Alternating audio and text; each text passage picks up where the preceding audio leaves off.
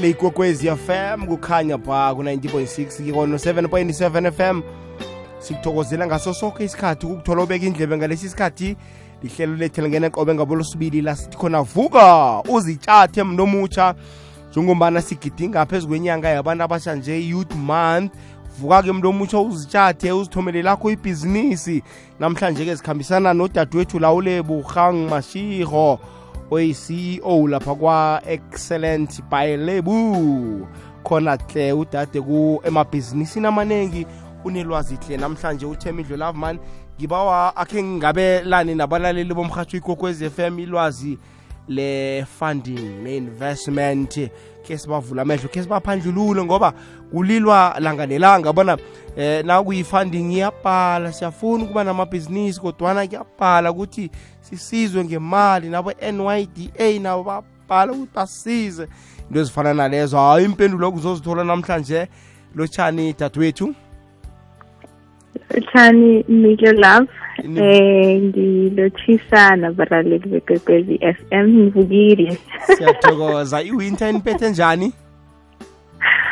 Mina mithe Love ngingumntwana we-spring ngazalwa ngo-October. Oh. Ayi ubusika angibuthandi ah, buyangibhalela manje abuka angiphathi kuhle bona ang- ang- angingaqamba amanga. Yeah. asizwani kuhle sinobusika. Ngamanye amagama uthi zimu ubusiko obubuphela nini?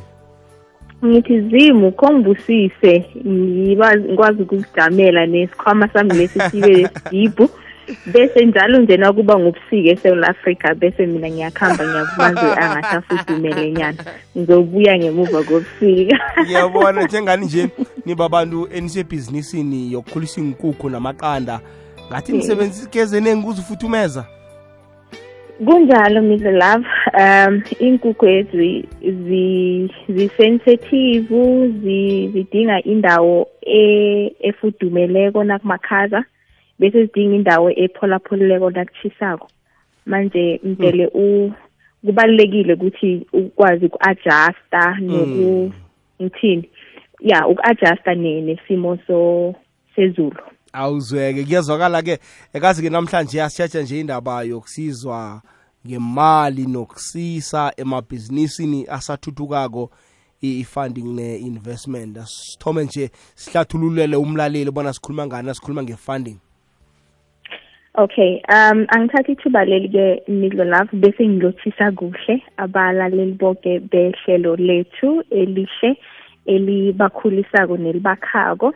Ngilothise kukhulu nabantu abatsha enyangeni yabantu abatsha nevekeni vele yabantu abatsha eh alibonga igama labantu abatsha so namhlanje sizokhuluma nge-funding sikhulume also nange-investment.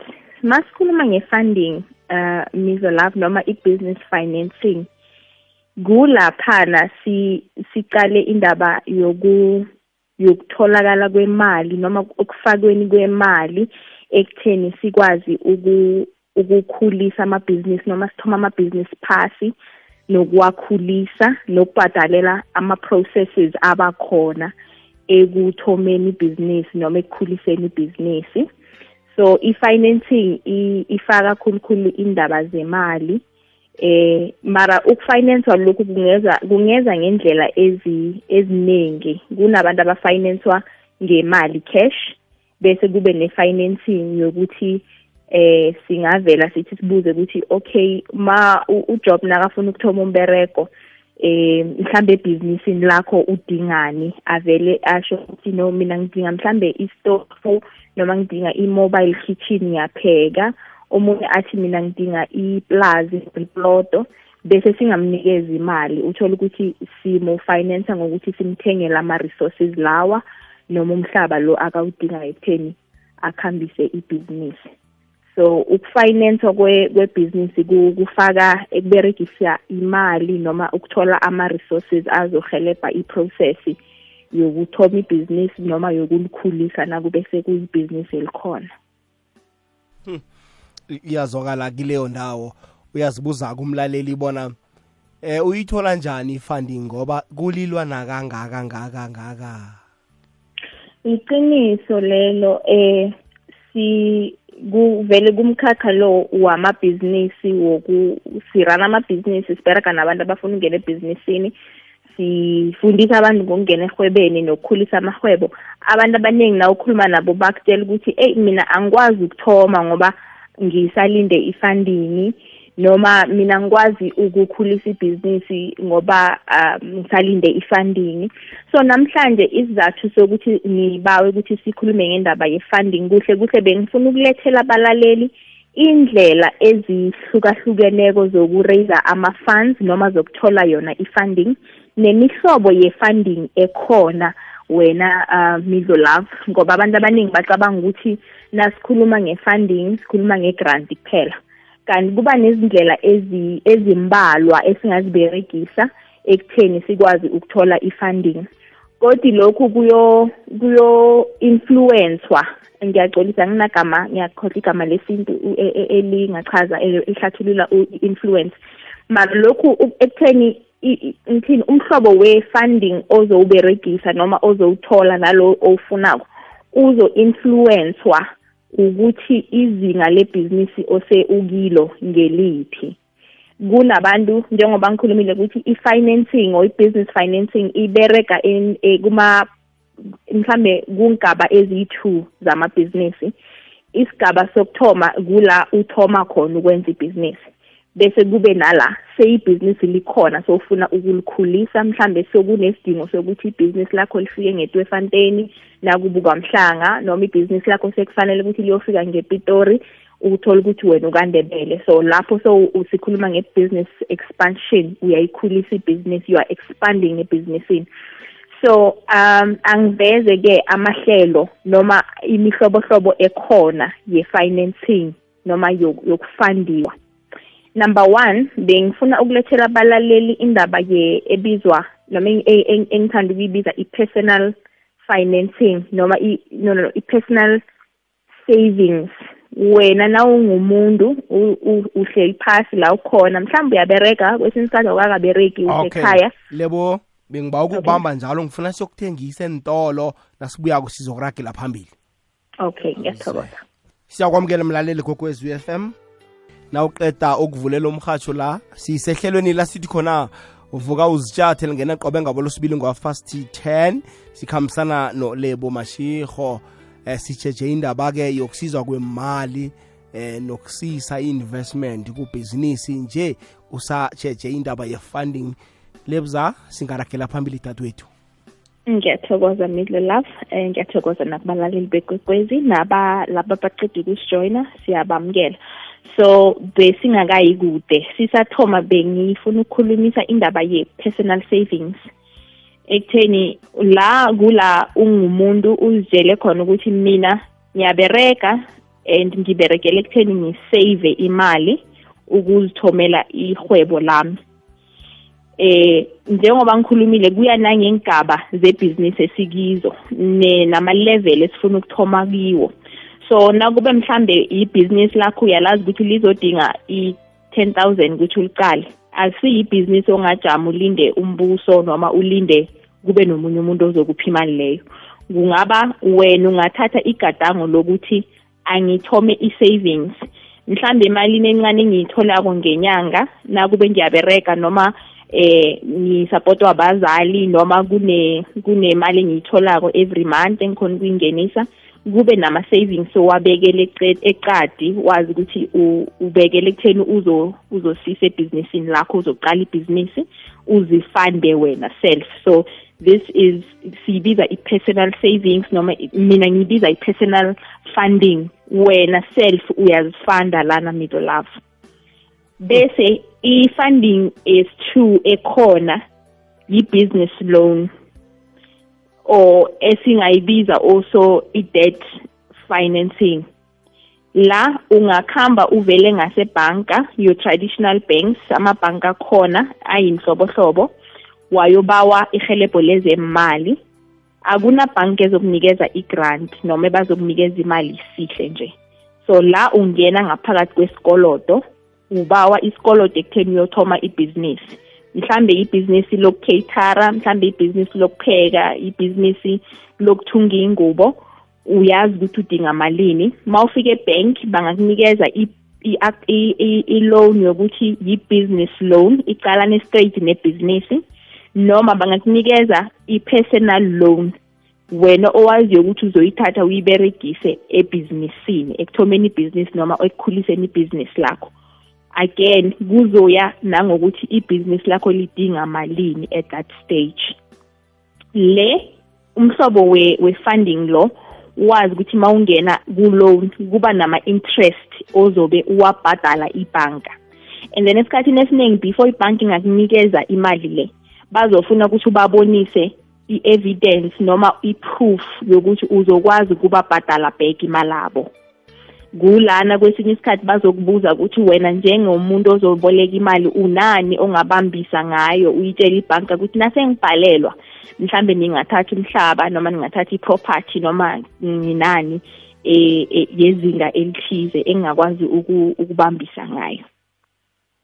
Bese i-funding yes-3 i-funding lapha engiyibiza ukuthi ngama-friends and family la kungaba nguwe ukukhuluma nabantu ophila nabo mhlambe abangaba ngumndeni uthole imali kibo. Mayakubona ukuthi usebhizinisini ngulebu ukhulisa inkukhu uthengisa amaqanda ufuna ukukhulisa ibhizinisi ibhizinisi lami lidinga i-fifty thousand.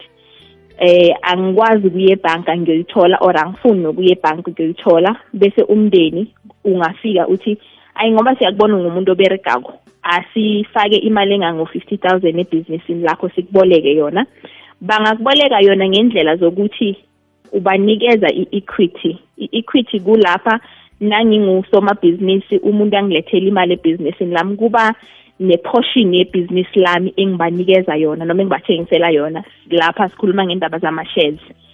Kuma-shares engiwa-ownayo njengomuntu othoma ibhizinisi leli ngingakupha i-ten percent ukuthi hayi wena mingulavi ngoba ungubhutami and ungihelebhile ngingakupha i-ten percent yebhizinisi leli kusho ukuthi whatever well u-owner i-ten percent yebhizinisi lami noma singavumelana ukuthi ngemuva kweminyaka engu-three kungaba nemali engake ngizoninikeza yona enginibhadala yona mhlawumbe efana nebonasi nangibereke kuhle. Mara-ke ubungozi bokungena ku-funding umhlobo ofana nalo kufanele uqale ubudlelwane bakho nabantu othatha imali kibo. Ngoba nasi-invest emabhizinisini noma siwafanda yi-risk leyo midlo love kungenzeka ukuthi ufake imali namhlanje bese izinto zingakhambi ngendlela wena uqale ngakhona in the next two years noma in the next however long eh izinto kuyenzeka ukuthi namhlanje sibona izinto zi-right kanti kusasa isimo somnotho naso singa-influencer ibhizinisi uthole ukuthi sowuyavala bese bokunemali bowuyithole kubangani nomndeni zicabanisa abantu izinto ezifana nalezo. So ama ama ayaba khona. Before ungathatha imali noma nibe nesivumelwano ngicabanga ukuthi nifanele niqale ukuthi ubudlelwani benu bubaluleke kangangani? Bubaluleke ngaphezu kwemali noma imali ingabubhidliza na? So kubalulekile ukuthi siqale nakho lokho. And then also masingumndeni sibolekisana ngemali akube ne-agreement eformal ebhalwa phasi. Ngoba kuyenzeka ukuthi kwesinye isikhathi masithatha imali emndenini eh ningasakwazi ukubhadala bese uthola ukuthi into leyo ingena phakathi kwethu. Awuzange kube nesivumelwane kodwa esibhalwe phasi.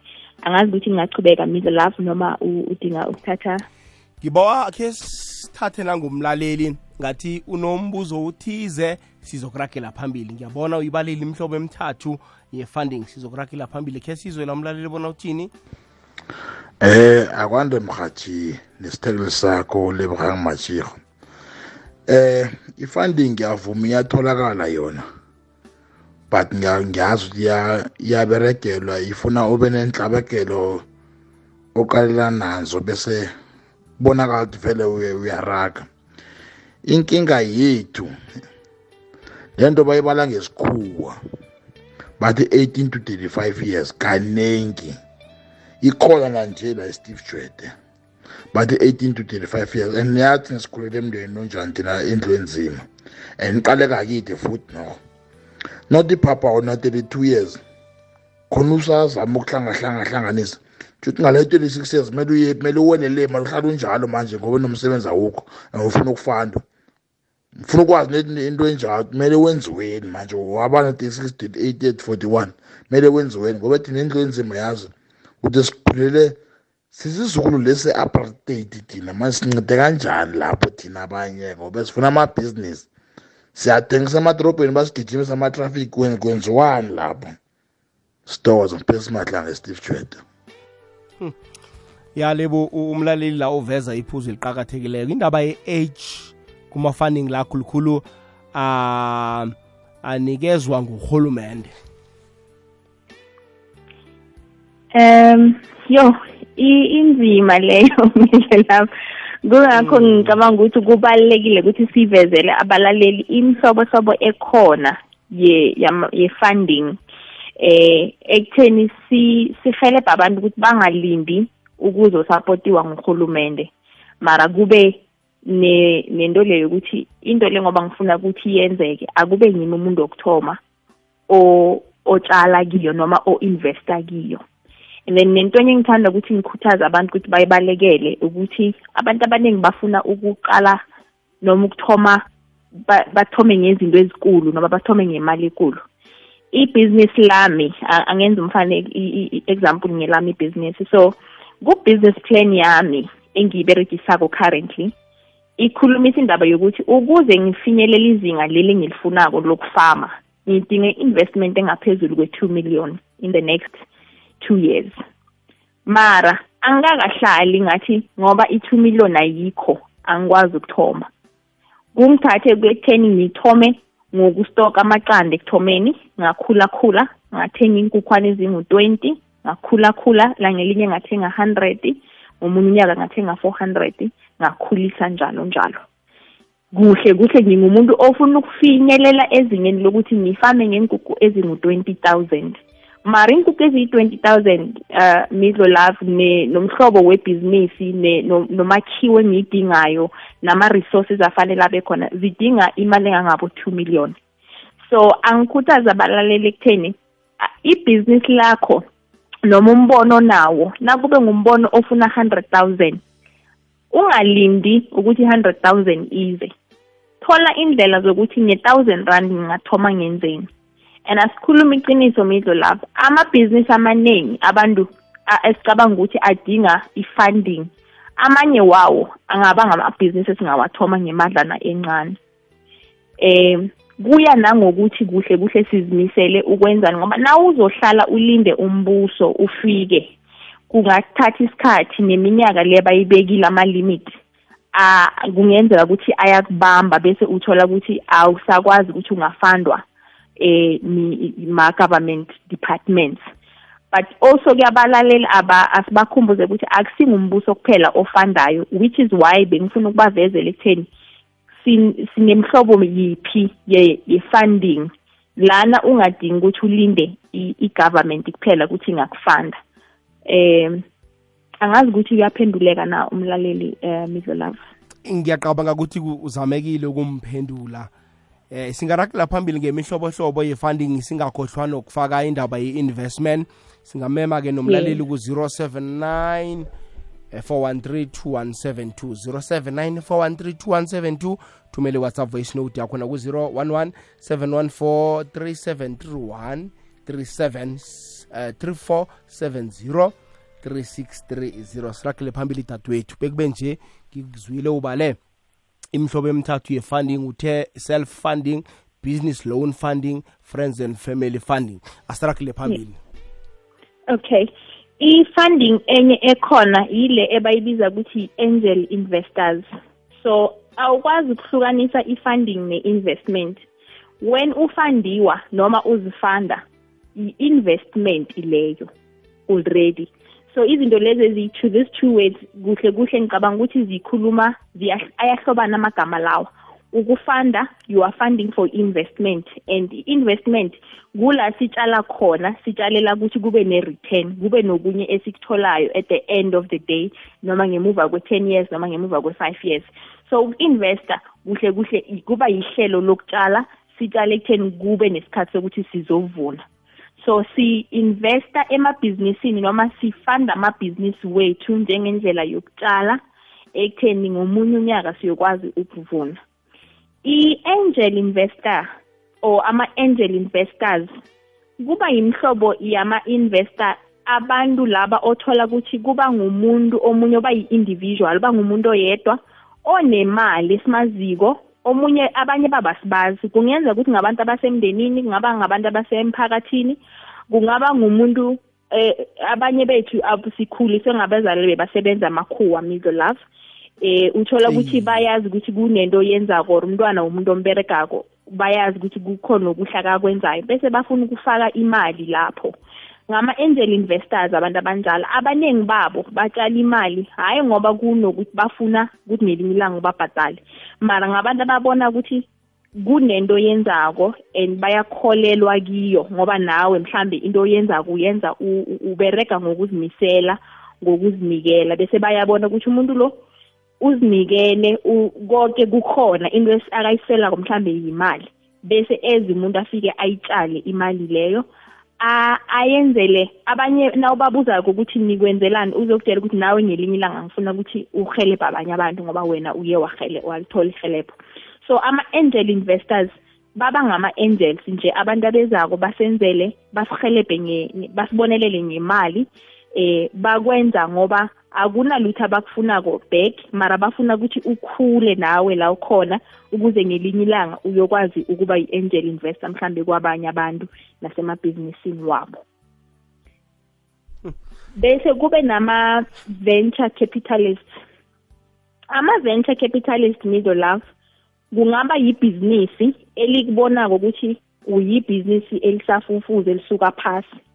Bangatshala imali ebhizinisini yakho noma bangakufanda noma ungaba-approacha uye uthi mina ngingumvezi wentweso or ngiproducer inyama noma ngiproducer amaqanda ulande ama-companies lawa amakhulu already asakazeka. Or nanoma abanye bangasi ngamakhampani abaku-industry mhlambe yakho ungalanda ikhampani ekulu ngoba kunamakhampani amaningi abereka ama-mining companies abafuna ukufaka imali emabhizinisini wabantu abatsha noma amabhizinisi wabantu aba-local kumphakathi ababereka kiyo mara bafuna ukukwenza lokhu abaningi kuba nokhunye abafuna ukukuthola at the end of the day. Bayangena mhlambe bafune i-equity. I-equity kula ngichaze ukuthi na uthengisa i-equity noma equity investment kula umuntu afika khona afaka imali bese umnikeza iportion yebhizinisi lakho. Ungathi kibo nginganikeza 15% yebhizinisi lami nanifake 100,000 mhlawumbe. Sengenza i-example kuya ngokuthi nizwana ngani. So ama-venture capitalist ngabantu laba baqala abantu abanehono noma amabhizinisi abonisa ukuba nekusasa noma amabhizinisi akhanjiswa ngabantu abasebenza ngokuzimisela babonisa ukuthi banokuzimisela kunala bafuna ukuya khona. But-ke into engiyithandayo also ngama-venture capitalist abaningi babo aba ngabantu aba-ready ukubona i-risk abasabi ngoba bayazi ukuthi bangatshala ebhizinisini leli bese lingasebenzi. Akusingabantu abangabuya bathi sikunikeze imali sithena sikunikeza imali ibhizinisi lakho lafeyila singakwenzani? Abazokubulala mara ngabantu who are willing ukuthatha i-risk. Abanye babereka as ama-individuals ngingaba ngulebo bese ngibone someone else okhambisa ibhizinisi elithize ngim-approach umuntu loyo ngifune ukufaka imali ebhizinisini. So kungaba yi-investment noma kungaba i-funding enjalo kube nestake abanginikeza sona ebhizinisini lelo labo. Lebo ngiba wakhe siphe umlaleli ithuba kancane ngaphambi koba nesikhathi sethu siphele. Okay. Awuzweke ku-011 3740 3736 gogwezi lelo chani sithokoze njani? Sikhona kunjani baba? Sinthokoze emathenzini celebrate. Ya man ugovernment uyazama yena ukuthi ancede emphakathini ebantwini kumele bahlomule. Manje si abantu abanamanga abasikhohlisako yilaba sibabiza ngabahlonitshwa abaphethe la kuma-department la.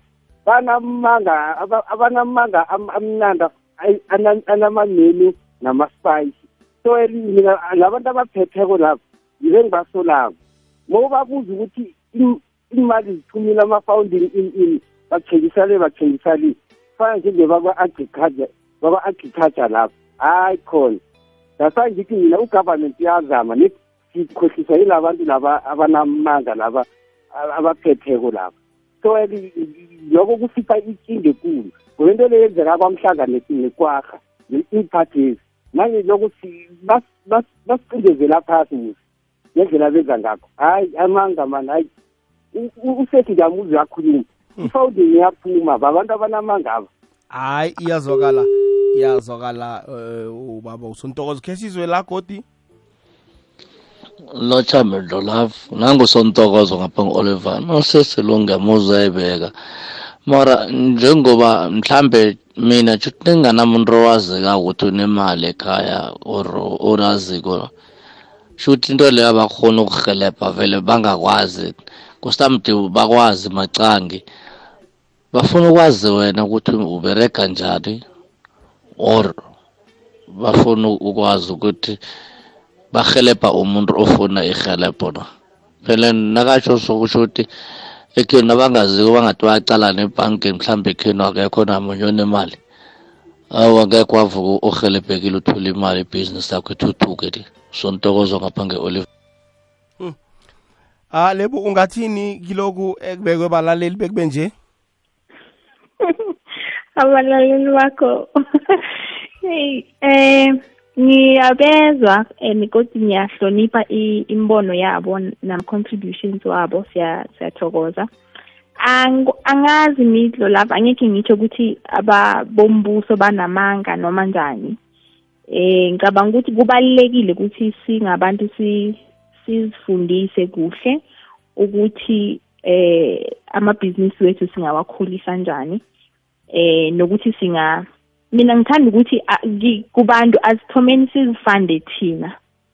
Khona kurehe ukuthi silinde umbuso ngoba imali vele zikhona and ama ama ama ama ama-department lawo wombuso anemali eningi abahleli nayo ugovernment akayiprovidayo kutheni agriculture yenze lokhu laba abaku-ITC benze laba you know iminyango le yonke abo-NYDA laba kunemali ezikhona naseMpumalanga eh, inyanga eh, esibuya kiyo uPremier uye wabiza abantu abatsha wabanikeza i-youth development fund or i-grant. Wow bawa ukuthi abantu abatsha banembono emihle e-bankable abanama-business plan aba-apply. So imali ikhona mara asikhulumeni iqiniso imali ayizofika kuwo woke umuntu. Nama ngazi ukuthi kuba ngamahlelo maphi abawaqalako before bazofanda abantu. Eh mara kubalekile ukuthi sithome thina sizifande thina. Ene mina ngithena ngikhuluma nabalaleli kuyenzeka ukuthi ibhizinisi lelo ofuna ukulithoma alidingi i-50 000 mhlawumbe ukulikhulisa eventually kuzofuna imali enkulu mara cala ukuthi indlela encane yokuthoma kungaba ngeyiphi. And then enye into vele bengifuna ukuyikhulumisa ukuthi akhona ama-grant funding khulukhulu anikezwa minyango ka-government. La ugovernment athi nangikunikeze imali awuyibuyisi akafuni next abathathi abafuni nokuthi ubabhadale upfront abathi nokuthi sifuna i-stake ebhizinisini lakho i-equity le engikhulume ngayo. Kuba neminyango eminingi yaka-government ekwazi ukuphana ngama-grant. Yena u-NYDA kubantu abatsha abangaphansi kwe-35 aba-between 18 ku-35 bayakhona ukuya kwa-NYDA and u-NYDA naye uqala uthoma abantu ngithini ama-thresholds kunamazinga we-application or imali abakwazi ukukunikeza zona. Abanye abantu bathoma ngabo-one thousand abanye bathoma ngabo-ten thousand abanye bathoma ngabo-fifty thousand bese nama-requirement ayahlukahlukana.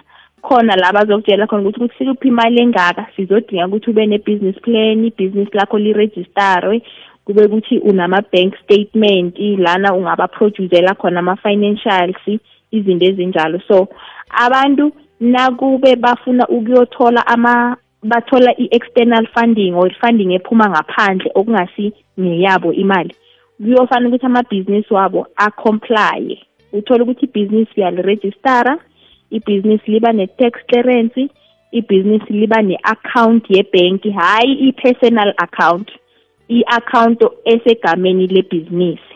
Bese na uyofuna ama-funds lawo noma uyofuna i-funding noma uyofuna ama-investment lawo bazofuna ukubona ukuthi ubereka njani nangemali ebhizinisini wenzani ngemali imali yebhizinisi yenzani.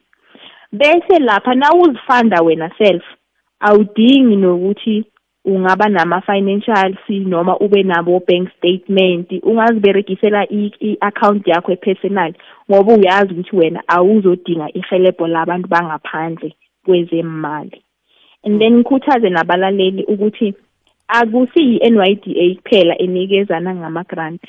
Ikhona iminyango efana nabo-SIFA abo-SIDA bayakwazi ukuhelebha abantu abangaphezulu kwe-35 and then abantu laba abanikeza njengoba ngichazile kwasekuthomeni ukuthi amanye ama-funding akubi yi-funding yemali midlo love kuba yi-funding yokuthi bakuthengela ama-resources. Nayo i-NYDA ayiphani ngemali. Uyoya kibo bakubuze ukuthi ibhizinisi lakho lidingani bayofuna ukuthi uyothola ama-quotation kuma-supplier bakuthengele lokho okuhlogako ngoba basho abantu abaningi babanikeza imali. Bese bangasathoba amabhizinisi abantu bathenga inkoloyi bathenga imbatho bathenga izinto ezinye nje ezingasakhulumi namabhizinisi.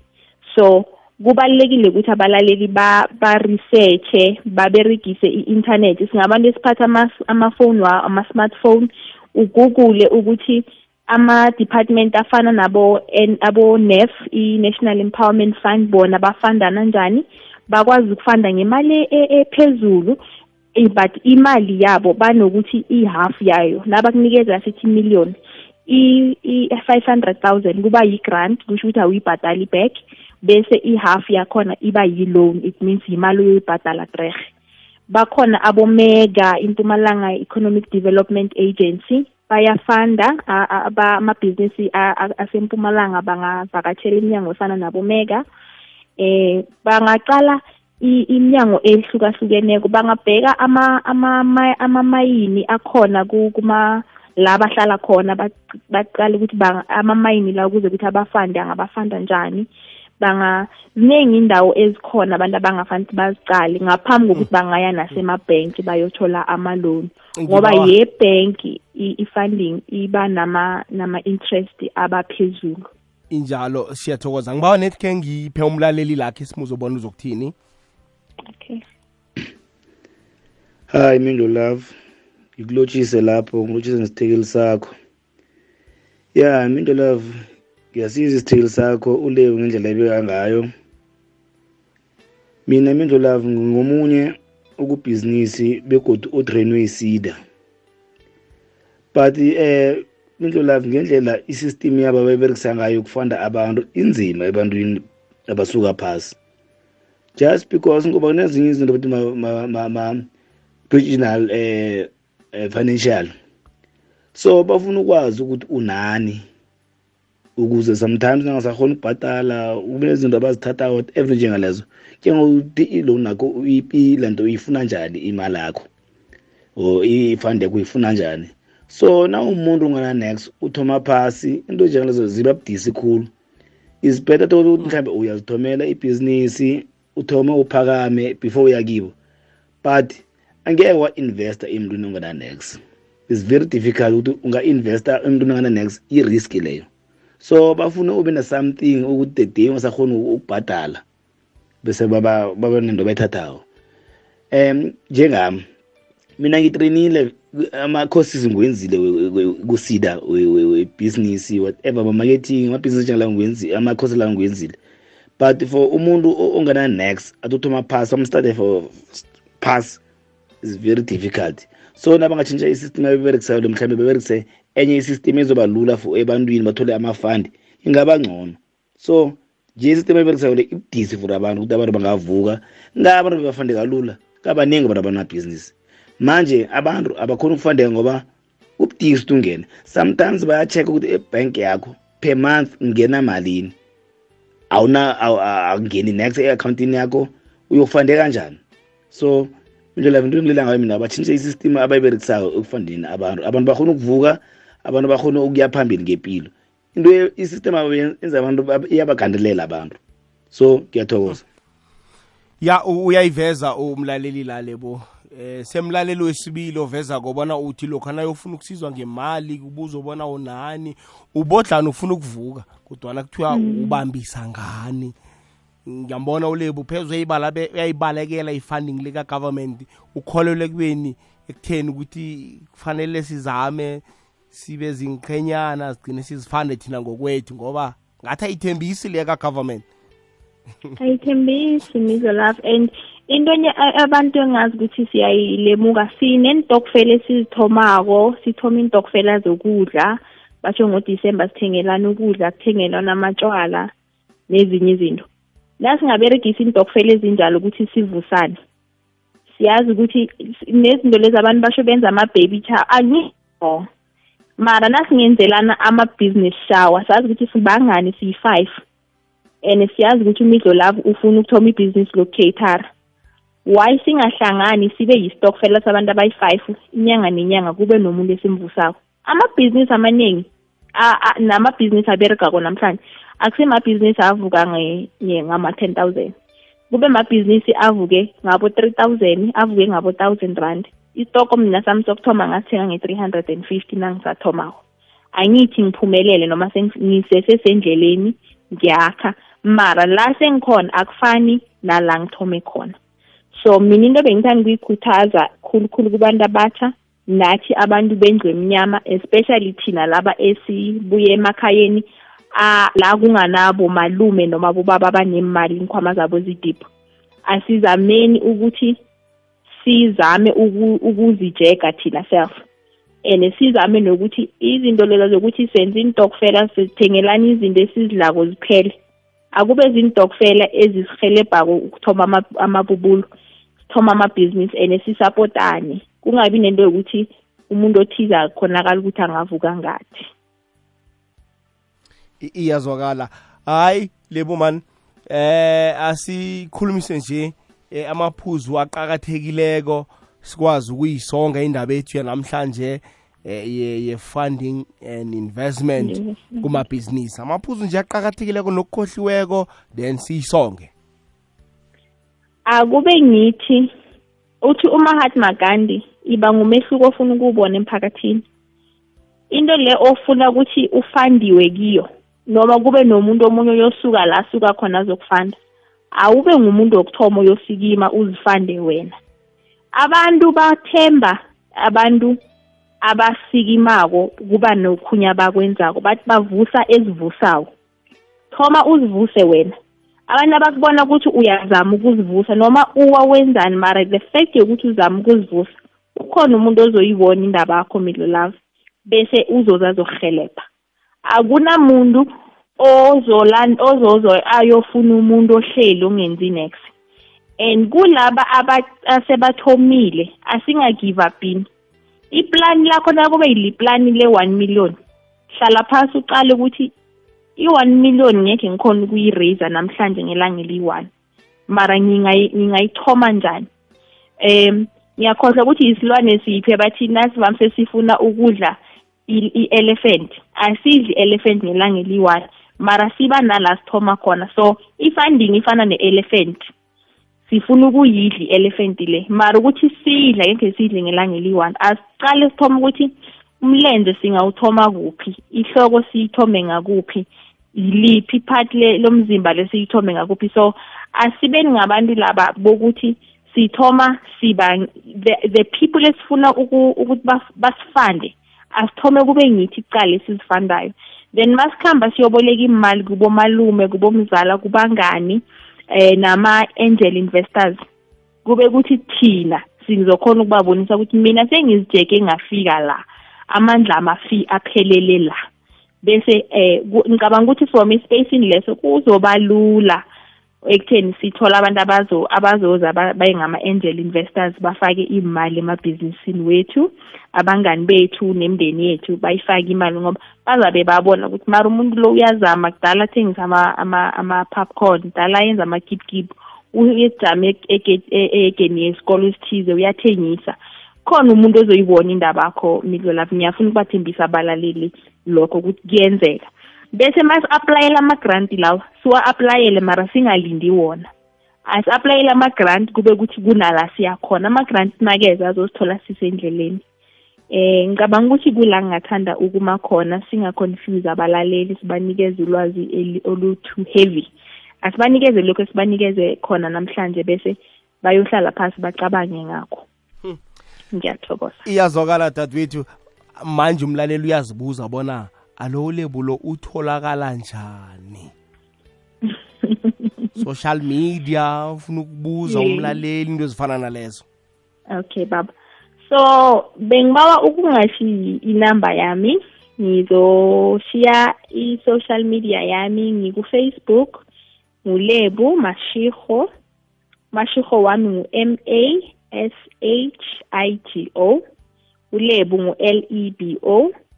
Bese aba ku Twitter bangangithola ukuthi ku I am Lebu underscore bese abalaleli abantu abatsha ngithanda ukubagcugcuzela ukuthi mabafike eSolomon Mahlangu Stadium ngelanga langezi-16 lana siyogidinga khona ilanga labantu abatsha no-premier wasempumalanga umama urefilwe mthweni usimemile abanye bethu njengabantu abatsha ukuthi size sizo-adressa abantu abatsha sikhulume godi nangentori zethu ukuthi sibuyaphi siboneni sifundeni ama-challenges nokuthi siwathekila njani. Eh ya kulapho midlo love eh, engingakuthiya abalaleli nakube bafuna ukuzibandakanya noma ngithini to connect nami bangangithola ku-social media. Ngi-very very active khona. Ngiyathokoza. Thokoza ukhululebe ukukhuluma nawe namhlanje. Hayi nangokuzako godu ukuza kuba njalo. Siyathokoza. Ukusilethela ilwazi elikhulu kangaka le-funding ne-investment. Umlaleli ngiyakuthembisa bona uza kuthindana nawe kuma-social media platforms wakho aku-inbox afuna ukubuza lokho afisa ukukwazi ngokungeneleleleko. Ngiyabonga baba. Abalaleli babe nobusuku bomnandi sithokozile. Awuzeke. Bengulebu mashiho la oyi-ceo lapha kwa-excellent by lebu siyajinda bemnandi khulu kwamambala. Besikhuluma ngani-ke investment?